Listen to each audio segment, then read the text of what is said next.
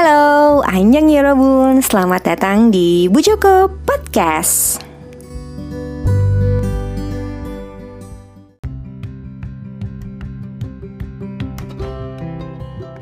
Eh, Bapak, kok ada Bapak di sini? Bapak ngapain di sini, Pak? Eh, kebetulan saya sedang senggang ya. Jadi saya bisa menemani ibu untuk eh, ngobrol di podcast. Oh iya bener Iya alhamdulillah ya akhirnya setelah em, hampir 2 tahun ya saya podcastan Baru kali ini Pak Joko muncul Iya kan? Baru ya? Iya betul. Ya benar uh, Yorobun di episode kali ini gue menghadirkan suami gue sendiri yaitu Pak Joko Mengajak beliau ngobrol di podcast karena em, ada satu uh, isu yang gue ngerasa di rumah aja tuh gue sama beliau tuh lumayan uh, berbeda pandangan tentang hal ini gitu Apa itu? Bapak tahu? Eh, belum tahu. Oke Silakan ibu kasih tahu bapak. Ah, iya. Siap Pak siap Jadi kita mau ngobrolin tentang PTM Atau eh, apa sih namanya? Pertemuan tatap muka, pembelajaran tatap Pembelajaran muka. Sorry, tatap pem- pem- pembelajaran tatap muka ya. Iya bener, eh, bener PTM itu pembelajaran tatap muka atau ya sekolah offline gitu ya Nah, eh, seperti yang Bapak tahu ya bahwa anak kita dan kayaknya hampir seluruh anak-anak lain di Indonesia tuh akan eh, menjalankan PTM atau sekolah offline mulai semester ini. Menurut Bapak sendiri gimana nih? Bapak ngizinin nggak anak Bapak untuk PTM? Eh, nggak masalah sih. Karena sebenarnya juga kan eh, selain di sekolah, di, mungkin di sekolah negeri udah dimulai duluan ya.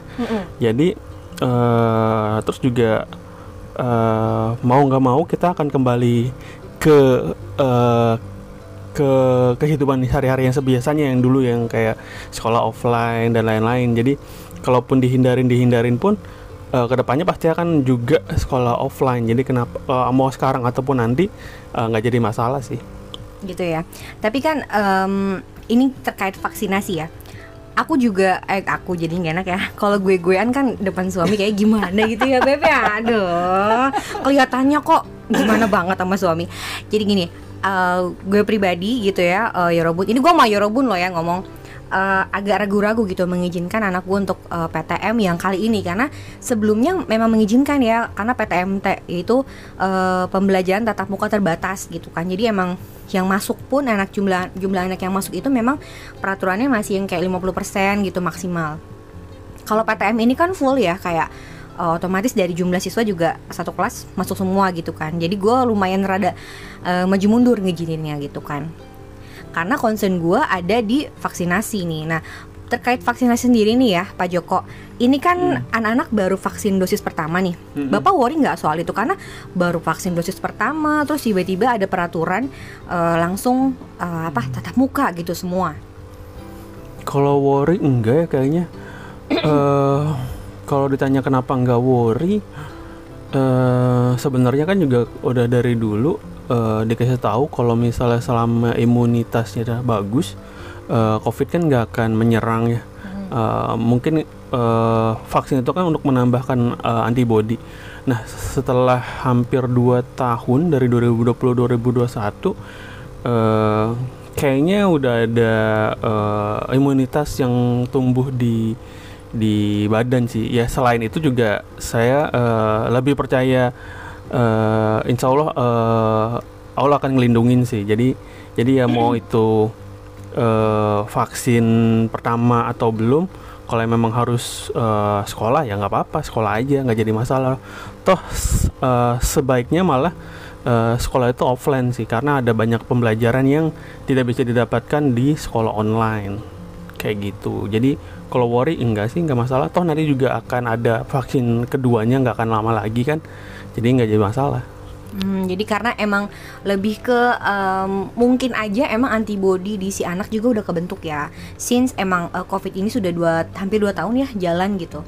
Dan eh, mungkin kalau kenapa Pak Joko nggak terlalu worry karena memang eh, seiring berjalannya waktu saat PTM ini berlangsung juga nanti kan ada dosis keduanya juga pasti akan diberikan juga gitu ya Pak. Iya betul. Kayaknya nggak akan lama lagi kalau misalnya ngeliat dari kemarin pas eh, dosis pertama dikasih tahu kan Berapa lama lagi? Eh, iya, ya sebulan sih 28 harian sama aja sih kayak dosis dewasa. Kemarin kan terakhir itu tanggal 23 Desember kalau nggak salah. Ya berarti nggak jadi masalah dong. Eh kalau gitu kan kita tinggal istilahnya bisa 2-3 minggu lagi itu akan dapat dosis kedua kan. Terus juga selama PTM mungkin eh, sudah dipersiapkan ya. Eh, nggak jadi bukan cuman eh, apa kita harus juga percaya kepada pihak sekolah dan pemerintah gitu. Kayaknya pemerintah dan pihak sekolah itu udah udah menyiapkan hal itu gitu, udah menyiapkan eh, planning ini dengan baik. Jadi nggak ada masalah sebenarnya untuk eh, PTM dan lagi juga kantor udah hampir 50 sampai 75% masuk.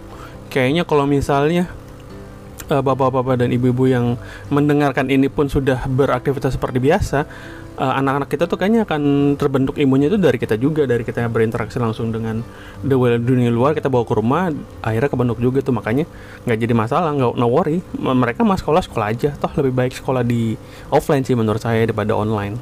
Hmm, iya itu oke. Eh, Sebenarnya kalau emang aman-aman aja kondisinya ya, ya otomatis aku juga mikirnya ya udah nggak apa-apa offline. Memang sekolah terbaik itu yang offline gitu. Cuman kan kondisinya masih kayak gini nih masih nggak jelas. Apalagi kayak omikron masuk gitu kan ada varian baru itu sih yang sebenarnya eh, kemudian eh, gue pribadi ya Yorobun kayak mengganjal gitu izinin gak ya izinin gak ya gitu tapi juga eh, seperti tadi yang eh, Pak Joko bilang bahwa this is something uh, we can deny kita juga nggak bisa uh, ngeles mulu kita nggak bisa menghindari gitu loh ketika sebuah uh, peraturan emang udah dibuat nih dari atas gitu kan ya kita mah siapa gitu kan Em, khawatir itu pasti gitu ya tapi juga kita kan pasti mau nggak mau akan tetap harus ngikutin peraturan ini gitu nggak Betul betul. Nah. Ya, nggak salah. Oke, kalau menurut Bapak nih, misalnya udah mulai PTM, saya perlu ganti strategi belajarnya nggak ya Pak si kakak itu? Karena kan eh, si kakak ini seperti yang Bapak tahu ya, bahwa gaya belajarnya nih Bapak banget gitu loh. ya, gimana nih Pak menurut Bapak? Mohon pencerahannya. Hmm. Perlu ganti belajar apa enggak? Strategi. Metode, eh, cara belajarnya, strategi belajarnya. Hmm. Kalau penyesuaian pasti an- akan ada ya. Eh, cuman kita juga harus lihat dulu nih di mungkin seminggu awal sampai dua minggu awal tuh kita observasi aja dulu aja nih si anak tuh eh, gimana eh, waktu pembelajaran di sekolahnya. Mungkin aja karena kita nggak pernah tahu dia dia di sana gimana cara menangkap nangkep uh, pelajarannya uh, apakah dia bisa cepat paham di di rumah atau di sekolah kita kan nggak tahu juga nih. Karena ini juga mungkin hal yang baru buat uh, Jitni di SD Uh, makanya uh, pasti akan ada penyesuaian. Hanya uh, kita lihat dulu deh uh, seminggu uh, sampai dua minggu sambil kita kom- coba komunikasi dengan uh, wali kelasnya ngelihat perkembangannya gimana nih, apa yang kita perlu improve mana yang kita perlu ganti mana yang kita perlu uh, apa uh, tingkatkan lagi cara belajarnya. Kayak gitu sih. Hmm, karena emang eh, harus diakuin ya bahwa emang sekolah online itu ya nggak semua yang ada di diri anak itu guru notice gitu ya. betul betul. Apalagi nanti akan ada nggak nggak satu ada lebih daripada 10 anak yang harus di di uh, pantau ya di oleh gurunya. Jadi otomatis uh, mau nggak mau kita sebagai orang tua juga harus uh, mulai proaktif nih ngelihat uh, perubahannya apa nih setelah dari on- online ke offline. Uh, terus juga mungkin kita juga nggak akan nggak tidak akan orientasinya ke nilai dulu tapi lebih baik eh, dia menikmati proses belajarnya apa enggak gitu sih karena kalau udah eh, nggak suka belajar atau nggak suka sekolahnya itu akan lebih sulit nanti ke depannya sih Iya iya benar-benar benar. Nah kalau menurut bapak apa sih yang mesti kita siapin atau disiapin sama orang tua orang tua murid di luar sana biar anak nih siap untuk eh, PTM gitu. aduh kok pertanyaannya ini berat ya Iya apa namanya juga Bojoko Podcast gimana sih? apa yang gue udah persiapkan hmm pertama berdoa ya Pasti itu mah ya. semoga lancar proses PTM-nya. Eh kita sebagai orang tua juga eh s- berdoa juga untuk selalu eh, diminta atau meminta sorry meminta eh, kesehatan untuk anak-anak kita eh, otomatis itu kan jadi jadi modal besar nih sebagai orang tua Eh, lalu eh, persiapannya apa aja? Mungkin dari prokes nih tetap ajarin anak-anaknya tentang prokes apa yang mereka turutin mereka apa yang mereka harus hindarin. Lalu juga mungkin kita bisa eh, satu atau dua kali komunikasi dengan pihak sekolah gimana prokes di sekolahnya apakah ada yang perlu diperbaiki apakah ada yang perlu dibantu mungkin oleh orang tua gitu. Jadi eh, harapannya ada kedua belah pihak ini bisa saling sinergi ya antara sekolah dan orang tua murid eh, sehingga proses yang mungkin baru nih buat anak-anak kita sekarang tuh bisa berjalan lancar dan har- malah harapannya bisa kayak dulu gitu kayak anak-anak sekolah offline biasa kayak kita kecil dulu normal gitu normal seperti biasa itu kayaknya lebih lebih menarik ya daripada eh, sekolah yang online gitu.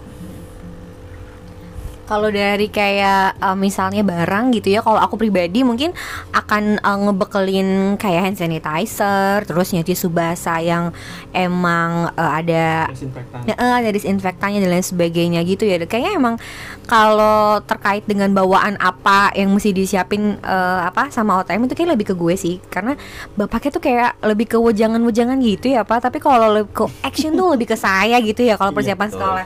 Betul sekali ibu. Saya percaya dengan ibu. Jadi eh, Jangan mau musyrik percaya sama saya mah. eh, lebih baik saya eh, hanya memantau ya, mau monitoring kayak gitu ya. Oke oke oke oke. Nah kalau misalnya udah eh, PTM full nih ya, kira-kira kita perlu nggak sih untuk eh, menurut bapak nih ya, menurut bapak loh, ini perlu nggak sih kita untuk melakukan tes kayak rapid test atau PCR secara berkala gitu? Ya mandiri aja, jadi kayak kesadaran sendiri gitu. Mengingat kan kalau PTM full begini, otomatis kondisi sekolah udah mungkin akan normal gitu proporsi eh, antara siswa yang hadir lalu guru-guru yang eh, datang pokoknya warga sekolah tuh em, kemungkinan aku nggak tahu sih eh, bagaimana pelaksanaannya nanti tapi dengan kata PTM full aja itu udah kayak oh mungkin kondisi sekolah udah mulai apa namanya normal nih gitu. Dengan kata lain anak nih akan berinteraksi dengan orang yang lebih banyak gitu. Loh daripada sebelumnya yang selama dua tahun ini kan di, di rumah terus nih ya nah kalau keluar pun kita kan seringnya em, outdoor dan hampir nggak pernah eh, interaksi sama orang luar. Bicara ngobrol gitu tuh kan nggak pernah ya. Secara langsung gitu karena biasanya anak-anak kayak. "Eh, eh, kayak makan lepas masker udah copot apa pakai lagi. Nggak pernah yang kayak main atau dalam satu ruangan yang dalam waktu yang cukup lama gitu loh. Perlu nggak sih tes tes kayak gitu?